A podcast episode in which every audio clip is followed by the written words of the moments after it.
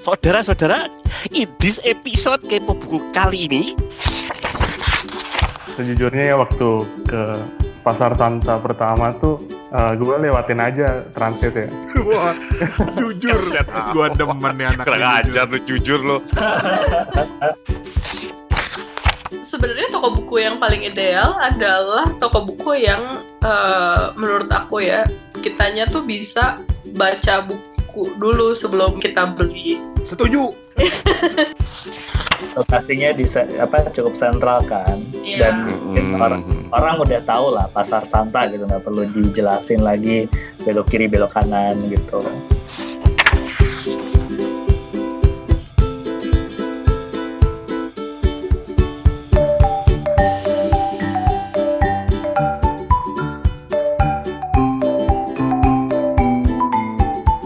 Halo, apa kabar? Kita ketemu lagi di Kepo Buku untuk episode kali ini masih bersama gua Rane Hafid. Terus di Ambon ada Steven, Fen. Lu belum makan, Fen? udah udah makan. Oke, itu Steven di Ambon. Terus yang udah nggak sabaran tuh udah testing, testang, testing, testing. Ya, toh, apa kabar, toh? Ya apa kabar Bapak Rani yang saya hormati? Hari ini berjumpa lagi. Shalalalala Keluarlah keluarlah. Gitu. Ya, itulah tadi eh, Her Toto Eko, salah satu anggota grup Kasidahan apa ya?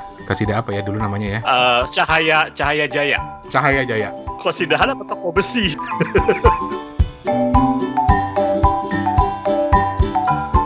Fen, hari ini siapa tamu kita, Fen? Spesial banget kan, Fen? Iya, spesial banget. Nih ada toko buku indie paling ngehits di Jakarta nih. Transit Santa. Wih keren Jadi kita akan ngobrol tentang Transit Santa. Ya. Tapi sebelumnya juga perlu kita informasikan bahwa untuk episode kali ini kita juga didukung oleh Toko Buku H, toko buku yang jualan buku berkonteks Kalimantan Barat. Detak Pustaka, jasa layout buku termurah di Indonesia. terus ada kopi Jinjingers, kopi yang gampang dinikmati, gampang dijinjing. Terus ada juga Bernard Banjar Nahor, Tax Consultant, Your Tax Solution. Dan kumpul bocah yang lagi bikin pelatihan reporter cilik dan kelas menulis anak. Dan siapa mereka? Selengkapnya nanti kita akan ceritain di sela-sela episode kali ini. Gitu kan maksud lo? Itu dia yang gue maksud. Itu yang gue mau ngomong. Gue sama Toto itu udah sejiwa, jadi kita bisa langsung saling melanjutkan kalimat masing-masing. Misalnya nih, kalau gue bilang begini. Dan sekarang, Kita istirahat dulu ya.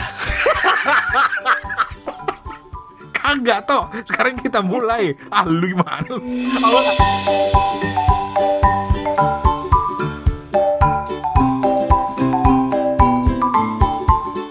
Selamat datang di Kepo Buku, toko buku Transit Santa. Halo. halo halo halo kepo buku Bang Indra Sewaloon Sitomorang dan halo Mbak, Mbak Alien Deasia Ya, Fawilia. betul. Yeay. Ini beneran serius Mbak Alien namanya. Iya, alien Deasya emang agak susah sih karena orang tua memang mikir gimana nama satu-satunya di dunia gitu. Hashtag anti mainstream. Asik. cerita nama juga ya nama saya kan Indra Soaloon Situmorang ya Hmm. terus Pasti orang Jawa nih. Jawa. karena lahir orang justru itu karena lahir dan hidup di tanah Sunda dari SMP sampai saya sekarang kerja, saya panggilannya Oon dari Soaloon itu. Serius. Iya, jadi dia panggilannya sebenarnya bukan Indra tapi Oon. Oh. Tapi Oon, ya. Jadi eh, di di transit itu ada Oon dan Alien, Alien dan Iya. Oon. saya temen sama Alien dari SMP. Dari Hmm. dari SMP kita udah sering tuker-nuker buku juga ya. Eh, Mm-mm. sering apa namanya Harry Potter gitu-gitu. Iya, mungkin yang perlu di highlight dari waktu SMP kita sempat punya klub Harry Potter. Jadi Hmm. waktu itu pas Harry Potter baru baru keluar banget, terus Hmm. kita kayak baca bareng gitu. Cuman Indra selalu baca duluan karena suka menantang dirinya sendiri dengan baca bahasa Inggrisnya. Terus kita kita yang lain baca bahasa Indonesia gitu. Tapi pas kita semua udah baca, terus kita suka ngebahas. Tapi gue boleh buka rahasia dulu nggak di antara kita bertiga nih ada yang nggak ngerti Harry Potter. Coba tebak siapa? Astagfirullahalazim. Nah, tuh. Alah. Dengan- tapi ya memang umur tuh membedakan ya kasta buku kayak apa gitu ya. Wajar kalau dia nggak tahu sih. Emang Udah nggak usah dibahas kasihan. Eh, gue udah berusaha. siapa? Rane, Rane mengaku. Jadi gue udah berusaha kok. Beneran, gue udah berusaha banget baca Harry Potter. Tapi karena ini, karena memang suka buku fantasi lain atau gimana kan? Ada yang bilang katanya kalau tim Lord of the Rings sama tim Harry Potter gitu, nggak Hmm. nggak bisa dua-duanya suka gitu. Saya tim yang saya tahu cuma tim bubur diaduk. dia dia bukan karena suka buku fantasi lain, eh, Alien. Dia suka berfantasi sendiri, makanya nggak bisa dia kasih buku-buku fantasi. Gara-gara itu kita sampai ada tema khusus di Kepo Buku untuk eh, How to Read Harry Potter. Serius ada itu memang, bener. Oh, Itu hanya khusus untuk saya sendiri yang memang tidak paham. Tapi oke, enough about me. Jadi tadi Steven sempat cerita dia pernah ke Transit, Santa, terus juga berbagi clipping tentang Mas Indra gitu. Van, gimana tadi Vin ceritanya Van? Gue lupa Van. Jadi di di Jakarta Post itu kan diceritain kalau 2018 tuh Jakarta sempat kejadian gempa bumi itu. Hmm. Dari artikel pembuka tuh udah langsung dibuka sama sesuatu yang cukup-cukup uh, menghebohkan gitu ya. Katanya tuh Bang Indra tuh ketika gempa dari lantai 27 tuh yang dipikirin tuh bukan uh, bukannya apa-apa ya. Gue belum kawin gitu misalnya. Oh. Ah, ah, ah. Tapi yang eh, impian yang belum dijabanin ya, belum direalisasiin tuh satu Bang Rane, Mas Toto, bikin toko buku. Gila Iya. ya, gempa bumi orang-orang gempa bumi, gue mikirin paling pacar gue mana pacar gue gitu, atau somai gue mana somai. Ini, oh gue belum bikin toko buku. Nah, menarik tuh. Iya iya. Jadi eh, sebenarnya apa ya namanya kayak mimpi punya toko buku sendiri itu udah lama sih di, di kita berdua ya di saya sama di Alien. Tapi ya itu tadi kita belum belum sempet put effort ke situ sampai akhirnya gempa itulah. Eh, ya itulah Ya. saya sampai saya kayak terbesit kayak ya Allah gue belum buka toko buku nih. Terus akhirnya saya langsung hubungi Alien. Alien ayo kita bikin. The universe give me second chance. Asik. Jadi Hmm. karena kita berdua terus kayak menyatukan ide dan usaha dan re- all resources lah pokoknya. Jadi bisa cepet sih. Walaupun prosesnya lumayan satu tahun juga sih kalau dihitung-hitung Yandra. Dari mulai realisasinya tuh ya, nyiapin segala Iya. macam gitu ya. Heeh. Mm-mm. Oke, lu tuh berdua bikin toko buku karena memang punya karena memang sering lihat model-model toko buku yang di luar misalnya kayak gitu atau memang nggak puas aja sama toko buku yang ada di Indonesia misalnya atau di Jakarta gitu. Dua-duanya sih ya, karena Hmm. influence dari toko buku-toko buku luar negeri itu jelas. Hmm, Satu. hmm. Yang kedua karena kami berdua melihat bahwa toko buku-toko buku yang ada di Jakarta sih ya terutama kadang-kadang koleksinya itu-itu aja. Oke. Kami berdua pengen kita bikin sesuatu yang beda dan bener-bener nggak ada lagi yang jual gitu di Jakarta Hmm. khususnya. Yang belum ada yang atau udah nggak ada yang jual buku apaan misalnya contohnya contohnya. Eh, mungkin Indra nanti bisa cerita dari Hmm. sisinya dia ya. Cuman kalau aku sendiri, misalnya sangat suka baca buku grafik novel. Kalau dari sisi Indra, Nah gimana tuh Ndra? A little bit of both. Ada yang saya cari nggak ada di toko buku di di Jakarta dan ada hal yang sangat saya suka di toko buku lain yang oh seandainya di Jakarta ada yang kayak begini gitu atau di Indonesia ada yang kayak begini gitu. Hmm. Jadi contoh kalau saya pen- eh, mungkin ini ya pengalaman saya waktu saya di Bandung yang yang yang ngebuat saya sangat cinta dengan konsep toko buku independen. Jadi di Bandung tuh ada Omnium sama Kineruku. Nah, Omnium itu dulu saya eh, suka tuh beli di situ yang bekas. Eh, Hmm. buku pertama yang buat saya cinta sama kayak sastra atau literatur gitu ya, eh, atonement-nya Ian McEwan itu di Omnium.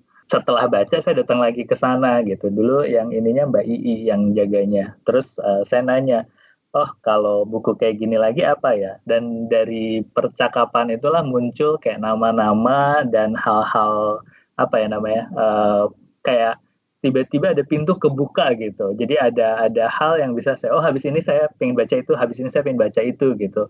Itu hmm. sesuatu yang nggak bisa saya dapat misalnya di Gramedia, di Kinokuniya, ya, even di Aksara kayak gitu juga jarang gitu. Hmm. Uh, terus di Kinoruku juga sama ada Mas Budi sama Mbak Rani yang suka rekomen, oh kalau suka ini, kalau suka ini baca ini, kalau suka ini baca ini gitu. Itu satu ada aspek interaksi sama penjaga toko yang yang yang tahu lah ya bacaannya dan bisa ngobrol sama sama uh, pengunjungnya. Yang kedua itu saya pernah ngeliat toko buku. Jadi dia itu seleksinya tuh sangat apa ya? Kayak ada dunia mini gitu. Jadi kayak East German literature, Russian literature, uh, African poetry gitu kayak bener-bener bring the world to that bookstore gitu jadi uh, satu hal itu juga yang yang ah aku pingin deh punya buku kayak gitu gitu jadi itu juga yang mungkin ngebuat kita punya kayak design goal dalam transit adalah ya satu kita pengen ngobrol sama pembacanya, dua kita pengen bawa buku-buku dari seluruh dunia lah. Gitu. Seluruh dunia ya berbagai okay. negara. Um, sejujurnya ya waktu ke pasar Santa pertama tuh Uh, gue lewatin aja transit ya. Wah, jujur. gue demen ya anak Kurang ajar lu jujur lu. tapi tapi uh, di di lain kesempatan ya nggak nggak nggak mau ngelewatin deh untuk berkunjung gitu untuk lihat. Hmm. Uh, waktu itu beli novel grafis ya. Dan memang novel grafis di transit tuh nggak main-main ya, nggak ada di mana pun gitu kayak kayaknya. Lu beli apa emang waktu itu, Van? Waktu itu kalau nggak salah. Pasmina ya? Iya, uh, novel grafis tentang gadis cilik di India ya kalau nggak salah. Yang dia hmm, hmm. Uh, menemukan sebuah dunia tersendiri lewat sebuah kain dari ibunya. Uh, kesannya tuh uh, mini tapi maksimal gitu. Asik. Gimana tuh? hari ini tuh mini tapi maksimal. Gimana tuh maksudnya, Evan? Um, Cuma berapa kali berapa ya Bang Indra ya? Dua kali dua, dua kali dua itu kios di pasar. Eh, serius? Dua kali dua? Serius? Yes. uh, dengan space uh, mini itu penyajian bukunya tuh pakai rak dinding gitu kan. Rak dinding di sebelahnya tuh ada rak dinding juga, tapi rak dindingnya itu dibuat bertingkat gitu. Jadi benar-benar membuat satu shelf itu bisa memajang sekitar 10-15 lah, ataupun ketika ditumpuk tuh ada juga bisa 5 atau 6. Nah di situ Mbak Alian tuh lagi nata-nata bukunya gitu. Ya udah aku ricohin kan, lihat-lihat gitu. Paling paling Mbak Alian bilang siapa sih ini orang? Dan ya memang koleksi-koleksinya tuh dari uh, tema yang disajiin ada berbagai negara yang dihadirkan gitu ada sastra dari penulis dari Timur Tengah ada dari negara tetangga juga dan bagus ini uh, kurasinya mereka gitu. Oke. Okay. Malah jadi penasaran sebenarnya gambaran toko buku yang ada di diri masing-masing itu kayak apa sih sebelum uh, sebelum kemudian mewujud menjadi Transit Santa? Sebenarnya toko buku yang paling ideal adalah toko buku yang uh, menurut aku ya kitanya tuh bisa baca buku dulu sebelum kita beli. Setuju. Dan kayak uh, tempat bacanya tuh nyaman gitu. Hmm. Nah, menurut aku itu adalah salah satu aspek yang sangat penting dari toko buku sih supaya kita sebagai pembeli tuh bisa nyobain dulu gitu baca buku suka nggak dengan gaya bahasanya? Uh, hmm. apa ya feelnya si bukunya dulu mulai dari isinya sampai kertasnya sampai itu menurut aku sangat penting sih. Ada satu lagi toko buku yang menginspirasi transit juga namanya kalau saya nggak salah namanya Altair itu di Barcelona. Nah itu dia sangat beda sekali. Jadi dia itu toko buku khusus untuk uh, trip gitu. Jadi ketika kita buka pintu kita disambut sama peta tuh gede-gede. Terus uh. Uh, di sectionnya itu terbagi berdasarkan geografi, ya, Asia, Afrika, Amerika dan lain sebagainya. Dan kita nggak hmm. ngebedain fiction non fiction. Pokoknya hmm. ini adalah buku yang cerita tentang daerah itu gitu. Hmm. Jadi uh, karena saya dan Alien juga suka jalan-jalan dan kayak ah pingin deh ya kita punya kayak konteks gitu kalau kita habis uh, misalnya sempat jalan-jalan ke satu negara terus kita ke toko buku oh ya, ya negara itu ternyata ada ceritanya seperti ini dan lain sebagainya atau sebelum kita jalan-jalan uh, apa namanya kita ke negara kita uh, baca dulu supaya tahu oh di negara itu ada ini ada ini ada ini gitu. hmm. itu yang ngebuat uh, apa namanya the ideal the ideal uh, toko buku hmm.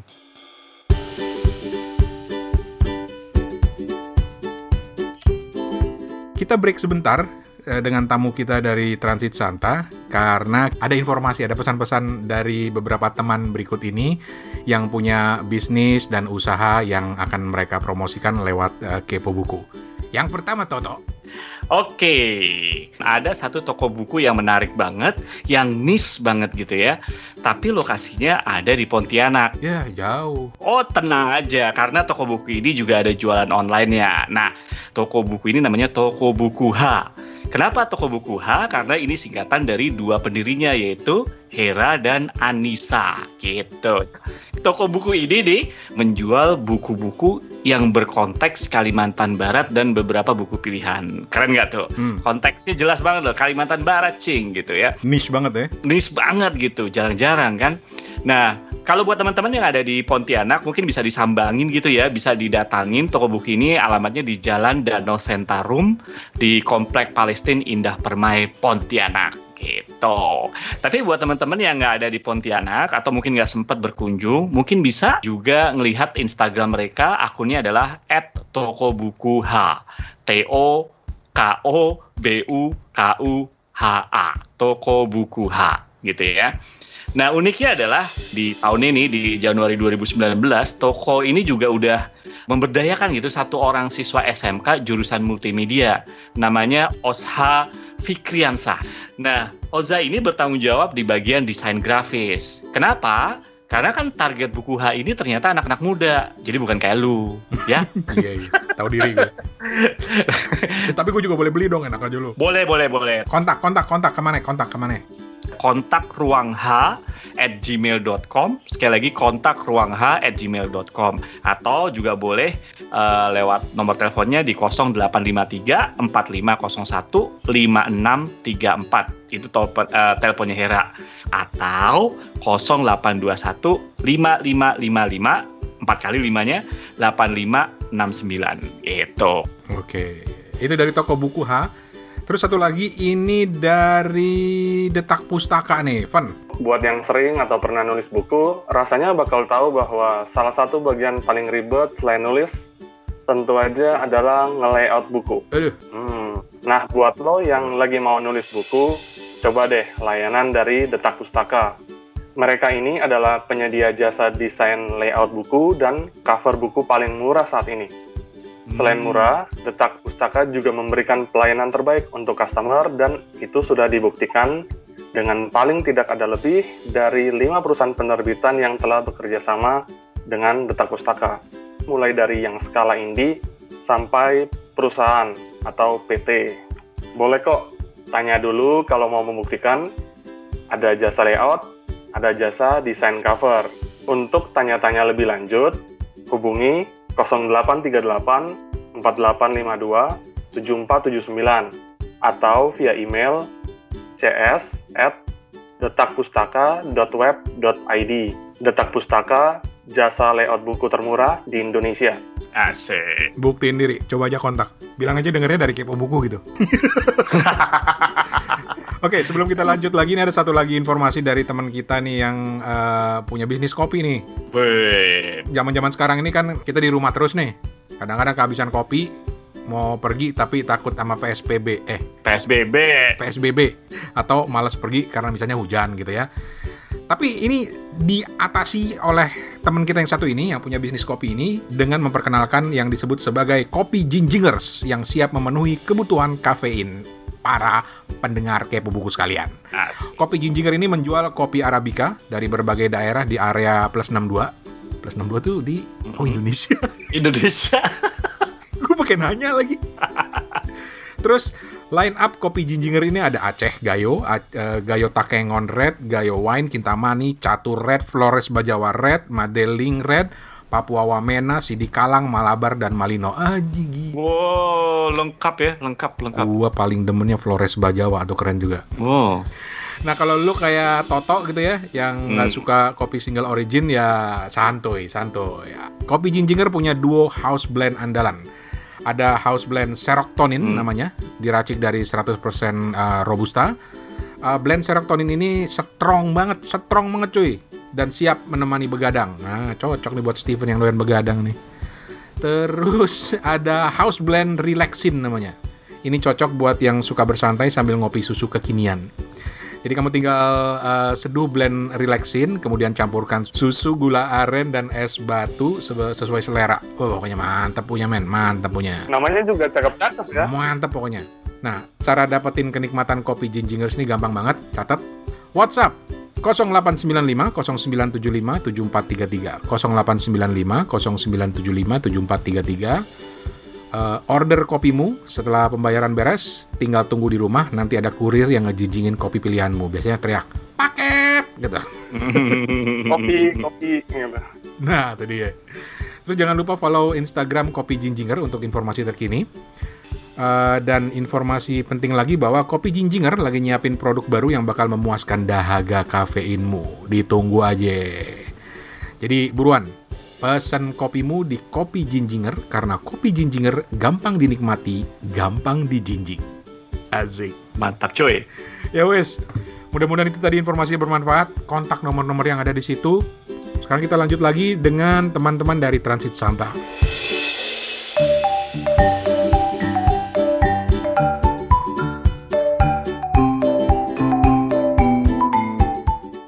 Sekarang balik Hmm. lagi ke nih ke Transit Santa nih. Di antara lu berdua gitu ya, ketika mengkurasi buku yang harus masuk ke Transit Santa, gimana nih prosesnya?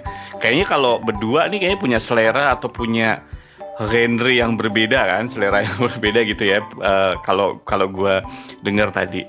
Kalau penentuan tema sih kita nggak ada Mm-mm. yang gimana-gimana ya. Cuman Mm-mm. kayak eh gimana kalau kita bikin temanya ini yuk. Oke, yuk Hmm. gitu. Gitu doang. Mungkin yang agak spesial setahun kemarin eh, mungkin mulai bulan apa ya Ndra? M- Agustusan Ah, gitu iya. mungkin ya. Iya, Agustusan pertengahan eh, tahun terakhir ya, ya. tahun terakhir kita eh, ini tanya ke pembaca kita yang Hmm. datang pengunjung eh, kalau ada usulan tema ya, kira-kira mau apa gitu. Jadi Hmm. kita buat post it di di dinding di di transit. Jadi kalau di Oke. transit tuh kalau masuk di sebelah kiri itu ada ada peta dunia sama yang buku-bukunya yang jadi kita tulis di situ dalam post it juga buku ini settingnya di sini gitu. Kita post di situ di peta Ah, itu. oke. Terus di sebelah petanya kita bikin post it juga usulan tema untuk tahun depan gitu. Iya. Dan kayaknya tema kita yang pertama ini eh, not necessarily coming from that post-it juga sih. Cuman tema kita yang berikutnya itu eh, adalah salah satu tema yang paling banyak ya yang Di tulis request. ya di request sama pengunjung transit. Yaitu, Rahasia dong, Cie. Masih rahasia benar. Rahasia dong. please graphic novel, please graphic novel. Kalau aku eh, cenderung pilihan buku yang aku pilih tuh masih cenderung populer. Jadi aku suka kayak bilang eh, pilihan Indra tuh kayak aku sendiri mengakui tuh kayak oh out of the box banget tapi ternyata ada banyak yang suka gitu. Keren-keren. Nah, eh, ada satu penerbit yang sangat eh, populer dan menerbitkan sangat banyak buku dan ini penerbit besar banget dan penerbit itu tuh baik banget sama kita. Eh, udah beberapa kali datang ke Indonesia, terus setiap datang ke Indonesia selalu ngajak kita makan, terus selalu email kayak nawarin kita buku, terus tapi kadang-kadang buku-bukunya tuh eh, kurang masuk sama tema kita Tapi Hmm.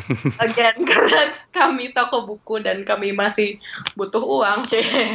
ya namanya gimana pun juga ini tetap bisnis ya. Jadi eh, ya kami tetap beli bukunya dan eh, untungnya alhamdulillah sih laku-laku aja bukunya gitu. Jadi ya kami senang. Jadi eh, bisnis toko buku banyak aspek-aspek lainnya seperti itu juga sih.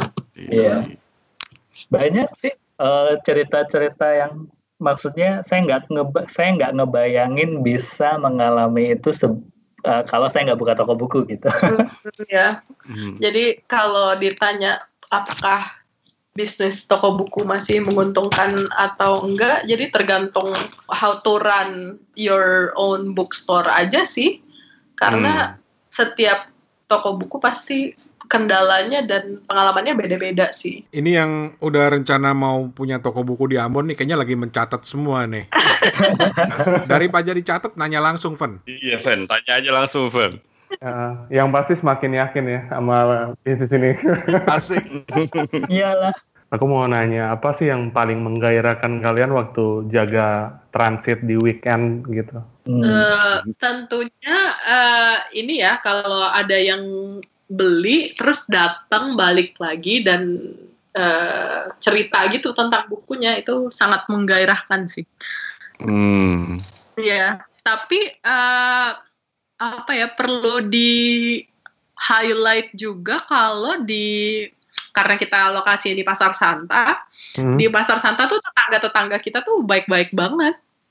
Kita juga pleasantly surprised ya waktu kita baru pertama sejak kita pertama buka sampai sekarang tuh eh, tetangga-tetangga kita tuh baik-baik banget, terus sangat mendukung.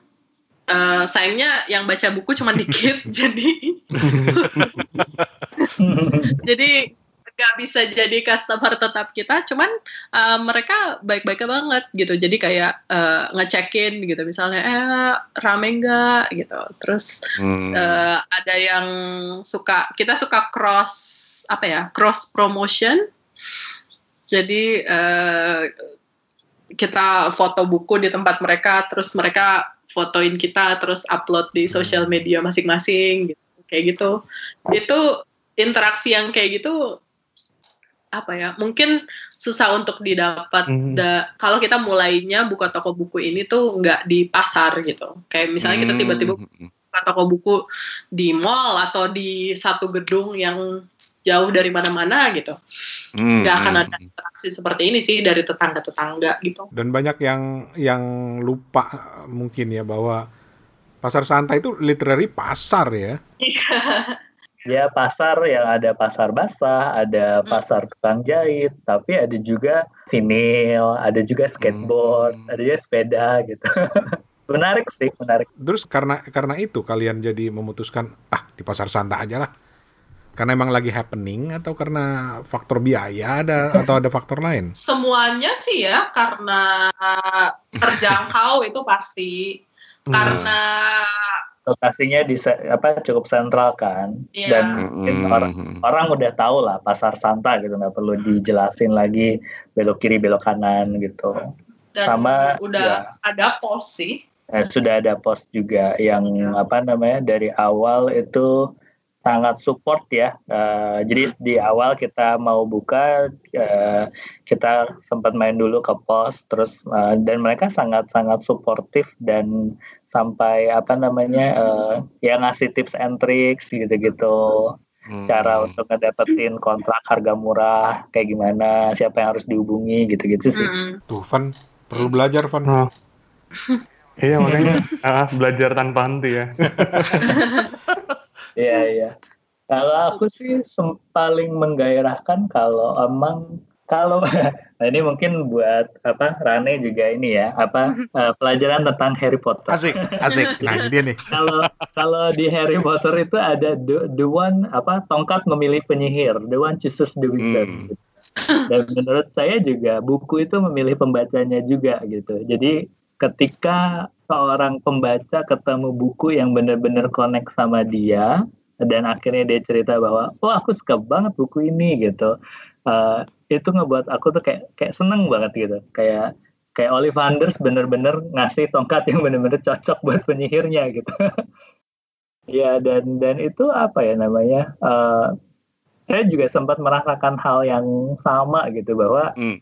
Uh, buku itu memilih pembaca dulu. Misalnya saya punya buku jadi ada buku waktu kecil saya suka banget namanya Kelas Terbang. Uh, penulisnya Eric Kastner, pengarang Jerman. Dia udah terjemahin di Indonesia gitu. Cuman karena hmm. satu dan lain hal, bukunya uh, apa namanya bukunya hilang gitu. Terus hmm. kayak nggak uh, sengaja saya lagi jalan-jalan ke toko buku ngeliat-liat, terus eh ada gitu uh, buku itu lagi gitu. Jadi uh, kalau emang udah jodoh itu nggak nggak apa namanya pasti ketemu gitu sama buku yang yang disukain gitu dan hmm. apa namanya ketika toko buku kita bisa menyediakan hal itu ke pembacanya itu ngebuat jadi senang banget gitu. Iya. Dan apa ya ada quote unquote hikmahnya juga kita eh, nggak uh, ketemu sama pelanggan kita sekarang. Jadi kita sekarang hmm. uh, terima apa ya email terus uh, message gitu yang bilang bahwa mereka suka banget sama buku-buku yang udah dibeli di transit dan sekarang uh, kayak istilahnya bisa dipigurain gitu karena berbentuk tulisan berbentuk yeah, yeah, tulisan yeah. Iya iya ya. kalau dulu verbal ya nggak ada iya, buktinya yeah, kalau dulu verbal nggak ada buktinya sekarang nih wah emailnya bisa di print bisa dipigurain asik ini ketahuan banget nih dari cara ngobrol berduanya benar-benar orang-orang yang yang yang passion pada dunia buku nih. Uh, mm -mm. seru. Tapi ya karena tadi Steven sempat nyinggung dikit kan, dua kali dua meter cuy mm -hmm. toko bukunya buat gua gua buat gua konsep toko buku tuh harus gede. Yang retail space-nya gede gitu ya. Nah, nah ini dua kali dua. So kalau orang main ke sana eh, apa sih yang bisa diharapkan atau apa yang bisa dilihat di sana? Uh, mungkin tadi Indra udah bilang ya, jadi karena dua kali dua itu, jadi kamu kalau datang ke transit, mm -hmm. uh, berdiri di depan toko transit, seperti yang tadi Indra udah bilang, sebelah kiri ada peta dunia. Uh, di peta dunia itu kita ada tulis judul buku dan pengarangnya uh, yang sesuai sama uh, daerah atau negara lah ya, yang setting ceritanya tuh di di situ gitu. Gimana ya? Yang menjadi setting cerita dari di buku itu? Iya. Ya hmm. uh, uh, jadi uh, ya gitu di sebelah kiri itu ada itu terus di tengah-tengah uh, itu ada rak empat tingkat dan di situ uh, kita susun bukunya tuh semuanya uh, covernya menghadap ke kamu gitu. Jadi kalau kamu ngadap ke toko kita uh, itu terus sama di sebelah kanan juga ada rak uh, tingkat juga yang ada toko uh, ada bukunya disusun semuanya covernya menghadap ke kamu. Jadi apa ya yang bisa kamu dapat di transit pas kamu melihat pertama adalah yaitu berbagai warna cover buku dan cover-cover ini atau nama-nama penulis atau judul-judul bukunya itu yang semoga kamu belum pernah dengar atau oh, belum pernah tahu. Jadi kenalan juga gitu ya? Iya, karena itulah uh, apa ya uh, misi kita di transit awalnya uh, untuk membawa buku-buku yang kebanyakan belum pernah diketahui oleh orang banyak gitu di hmm. Jakarta.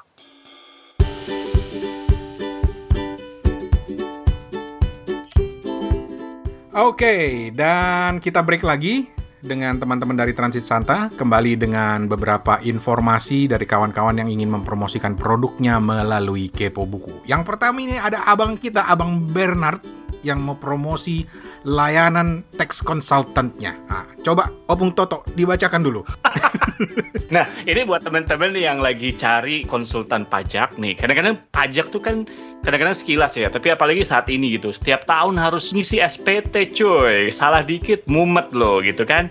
Karena ini kewajiban kita setiap, setiap tahun. Kan uh, warga negara yang bijak adalah yang taat pajak gitu. Nah, kita punya konsultan pajak yang oke punya nih. Kenapa nggak pakai jasa dia? Namanya Bang Bernard Banjar Nahor BKP gitu. BKP itu artinya berkon bersertifikat konsultan pajak ya, kalau nggak salah gitu ya. Oh, gue baru tahu toh. Gue pikir namanya band tuh BKP gitu. Sama dengan kau Ahok BTP gitu kan. Kacau. Nah, Abang Ben ini, gue panggil Abang aja ya Bang. Abang Ben ini punya latar belakang pendidikan akuntansi dan administrasi perbajakan dari Universitas Indonesia dan punya berbagai sertifikat perbajakan dari berbagai instansi.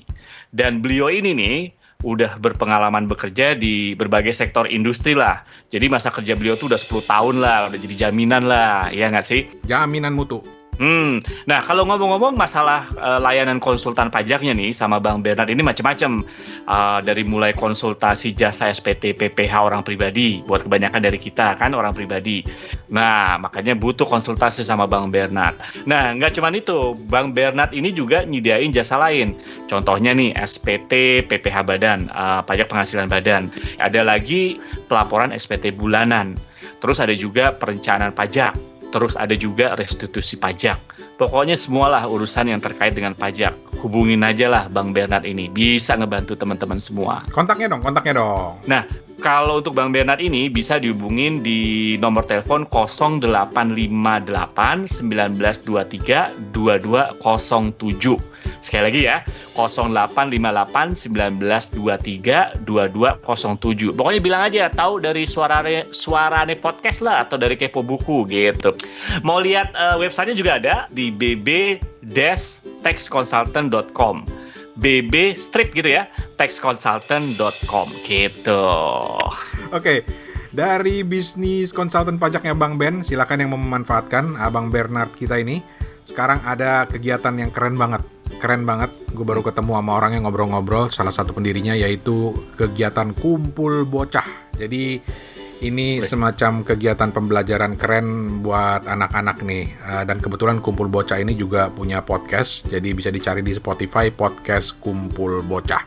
Nah ada dua kegiatannya. Bapak Steven silahkan dijelaskan.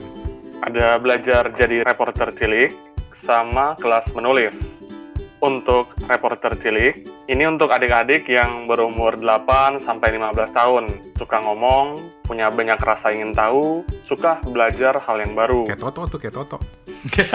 Terus lanjut Kegiatannya dilakukan online lewat Zoom.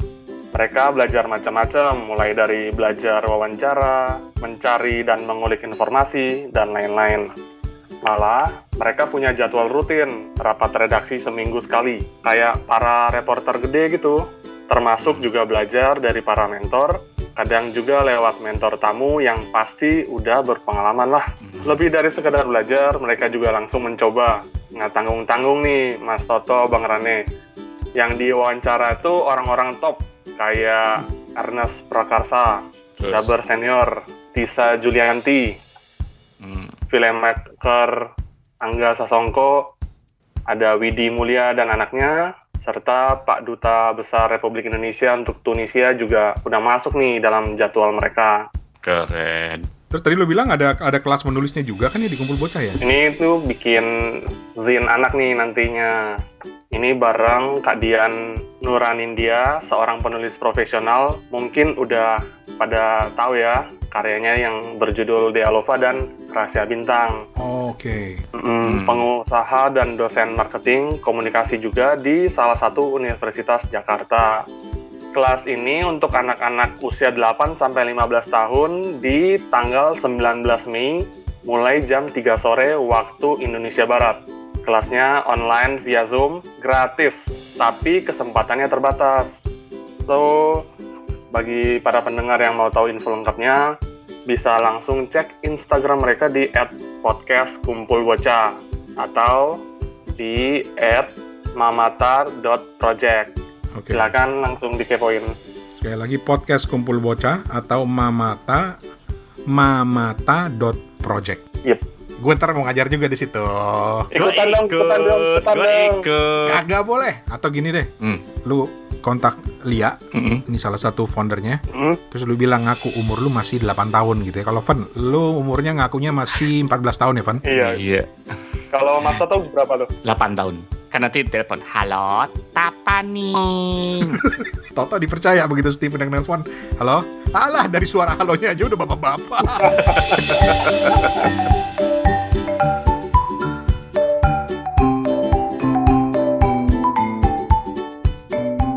Unfortunately, kondisi sekarang eh, memang memaksa banyak bisnis untuk eh, untuk sementara tiarap dulu gitu ya. Termasuk toko buku pastinya kan. Nah, gimana nasib Transit Santa? Nasib transit Santa, alhamdulillah baik-baik aja ya. Oh, oke. Iya, jadi uh, ada fenomena yang lumayan menarik sih. Jadi kalau dibandingkan uh, jumlah sales kita selama sebulan ini ya, sa- uh, dibandingkan sama pas kita buka offline, jumlahnya nggak nggak terlalu jauh beda. Oh, Jumlah buku Uh, yang terjual. Hmm. Ya, jadi eh, mungkin karena eh, sekarang kita buka online, terus jadi banyak yang akhirnya bisa mesen gitu dari eh, luar daerah, terus akhirnya bisa mesen, terus jadi ada yang agak-agak kalap juga gitu karena setelah kita akhirnya buka online terus oke pesen lima buku gitu misalnya. hmm. Dulunya memang belum buka online. Uh, Transwisata belum buka online dulunya, belum Iya, ya. Waktu sebelum iya. Covid. Oke. Iya, karena emang nggak nggak mau sih dan emang nggak pernah ada waktu ya. Kalau sekarang sih karena di rumah aja ini, jadi ya jadi ada Hmm. waktu. Jadi eh, kami alhamdulillah masih bisa bertahan. Cumannya ya kami nggak tahu ya soalnya eh, bisa ber- bisa bis- bisa bertahannya sampai kapan karena permasalahan kami itu ada di supply. Hmm. Nah, kami kan beli bukunya langsung dari penerbitnya, langsung dari Hmm.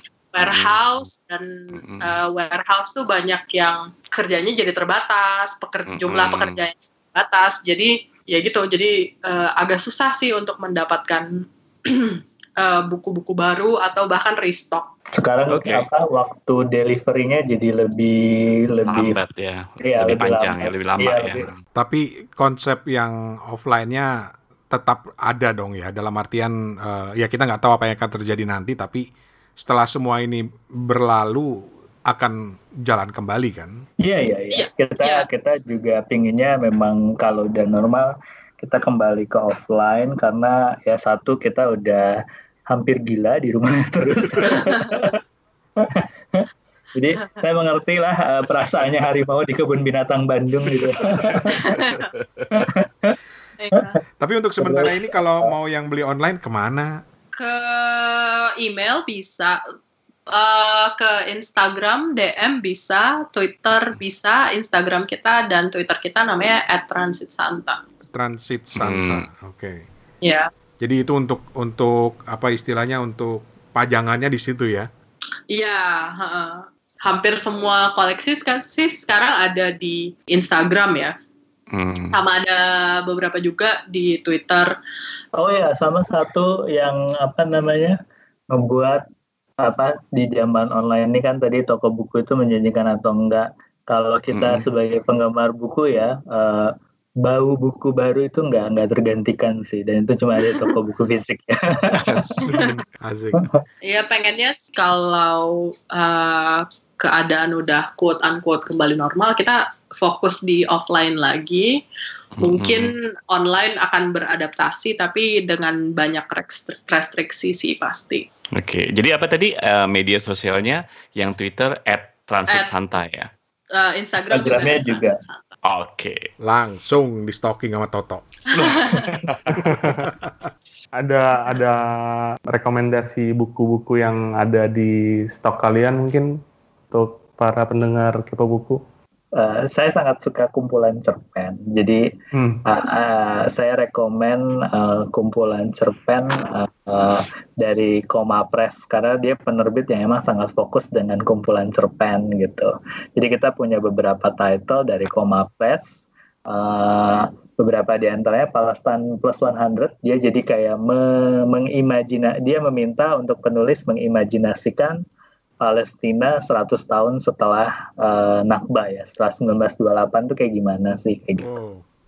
Terus dengan konsep yang sama dia juga bikin eh, Irak plus 100. Jadi dia minta pengarang untuk ngeimajinasiin gimana sih Irak 100 tahun setelah uh, invasi Amerika yang kedua ya, yang 2001 ya kalau saya nggak salah. Lucu idenya. Iya, lucu banget kan idenya gitu. Itu uh, menurut saya sangat menarik, spekulatif dan dan membuat kita jadi kayak apa ya, terangsang lah ya, imajinasi maupun uh, apa pemikirannya. Alien? Uh, mungkin salah satu buku yang uh, sangat populer juga dan kita juga kebetulan punya karena sangat cocok dengan temanya itu adalah Know My Name dari Chanel Miller. Uh, bukunya itu awalnya berasal dari tulisan yang dipopulerkan sama BuzzFeed. Sebenarnya uh, account of rape yang terjadi sama penulisnya. Jadi si penulisnya ini uh, diperkosa mm-hmm. di lingkungan kampusnya, terus uh, setelah dia diperkosa, terus uh, uh, kasusnya ini naik ke pengadilan dan di pengadilan itu dia harus uh, menulis kayak bukan pengakuan tapi kayak dari sisi uh, victim tuh dari sisi korban tuh gimana sebenarnya kejadiannya jadi setelah tulisannya itu uh, dipublish jadi banyak orang juga yang bilang oh ya saya juga pernah diperkosa nih di kampus saya segala macam. Uh, dan lebih banyak orang yang mau mengakui gitu tentang berbagai macam pelecehan seksual Oke, itu dua rekomendasinya tadi. Iya. Kita udah ngabisin banyak waktu, tapi kita tidak akan ting pergi sebelum. uh, jadi gini, kepo buku ini sebenarnya berangkat dari sebuah ide yang sangat sederhana, yaitu uh -uh. karena selalu kepo sama bacaan orang, dan karena uh -uh. itu setiap siapa pun yang sedang kita undang di sini, kita pasti berikan pertanyaan pamungkas yang selalu akan disampaikan oleh Bapak Steven. Silakan Steven. Oke, oke. Uh, ya, uh, Bang Indra sama Mbak Alian sekarang ini lagi baca buku apa ya? Oke, okay, kalau aku sebenarnya aku ini sedang mencoba untuk ikutan karena di rumah aja ini lagi uh, sedang mencoba untuk ikutan read a ton membaca waktu uh, dalam 15 jam. Hmm. Jadi tadi pagi habis sahur aku selesaikan baca buku Cadel uh, bukunya Triska Deikaman. Hmm. Terus uh, setelah itu langsung dilanjutkan baca ulang buku Supernova. Yang mana? Dari awal lagi? Uh, ya, cuman yang pertama karena cuman ta cuman pengen tahu gimana uh, apa ya dampaknya si buku Supernova ini yang Satria Put Putri dan Bintang Jatuh itu ke diri aku sendiri karena waktu itu pertama kali baca waktu SMP dan gak pernah baca ulang dan waktu SMP itu suka banget. Oke, okay. Mas Andri. Ah, Indra. Eh, Miss eh, Mas Andri lagi Mas Indra. Lagi baca buku apa Mas Indra? Aku uh, terakhir baca Cleanest, Cleanestnya Gart Greenwell. Uh, itu bagus banget bagus lah dia cerita soal apa namanya siapa penulisnya? Uh, Cleanest Garth Greenwell. Jadi dia seorang uh, gay gitu terus dia menceritakan tentang kayak dia guru Amerika lagi ngajar di uh, Sofia Bulgaria. Nah, nah itu cara penulisnya bagus sih cara penulisnya bagus saya suka. Terus sekarang saya lagi baca Weather Weathernya Jenny Oville uh, sama uh, ini saya juga saya suka juga uh, kumpulan cerita pendek dari penulis uh, Amerika namanya Gary Lutz. Uh, Gary uh, L U T Z. Uh, dan ini bukunya complete short story-nya dia. Short story-nya itu sangat unik banget dan dan dan beda gitu. Beda feel-nya sama short story orang-orang uh, lain. By the way, buku yang di lagi dibaca Indra uh, Weather oleh Jenny Oville akan ada di transit lagi. Terus iklan. Intinya jualan. Intinya jualan. Pokoknya sukses buat transit. Mudah-mudahan tetap atau bahkan bisa lebih lagi lah dibandingkan sebulan terakhir ini jualan online-nya. Terima kasih banyak. Terima kasih banyak untuk kehadiran Transit Santa di Kepo Buku kali ini. Kita bersyukur banget dapat cerita-cerita yang menarik. Kita dapat insight-insight tentang bisnis toko buku nih. Ya enggak Mas Toto, Bang Rane? Kalau gue sih nunggu ada Transit Ambon ntar. Terima kasih ya, Sukses. Mas Indra. Thank you. Nanti kalau kita buka lagi berkunjung ya. Oh, dengan senang hati. Thank you. Bye bye. Ya, selamat malam, selamat malam. Malam.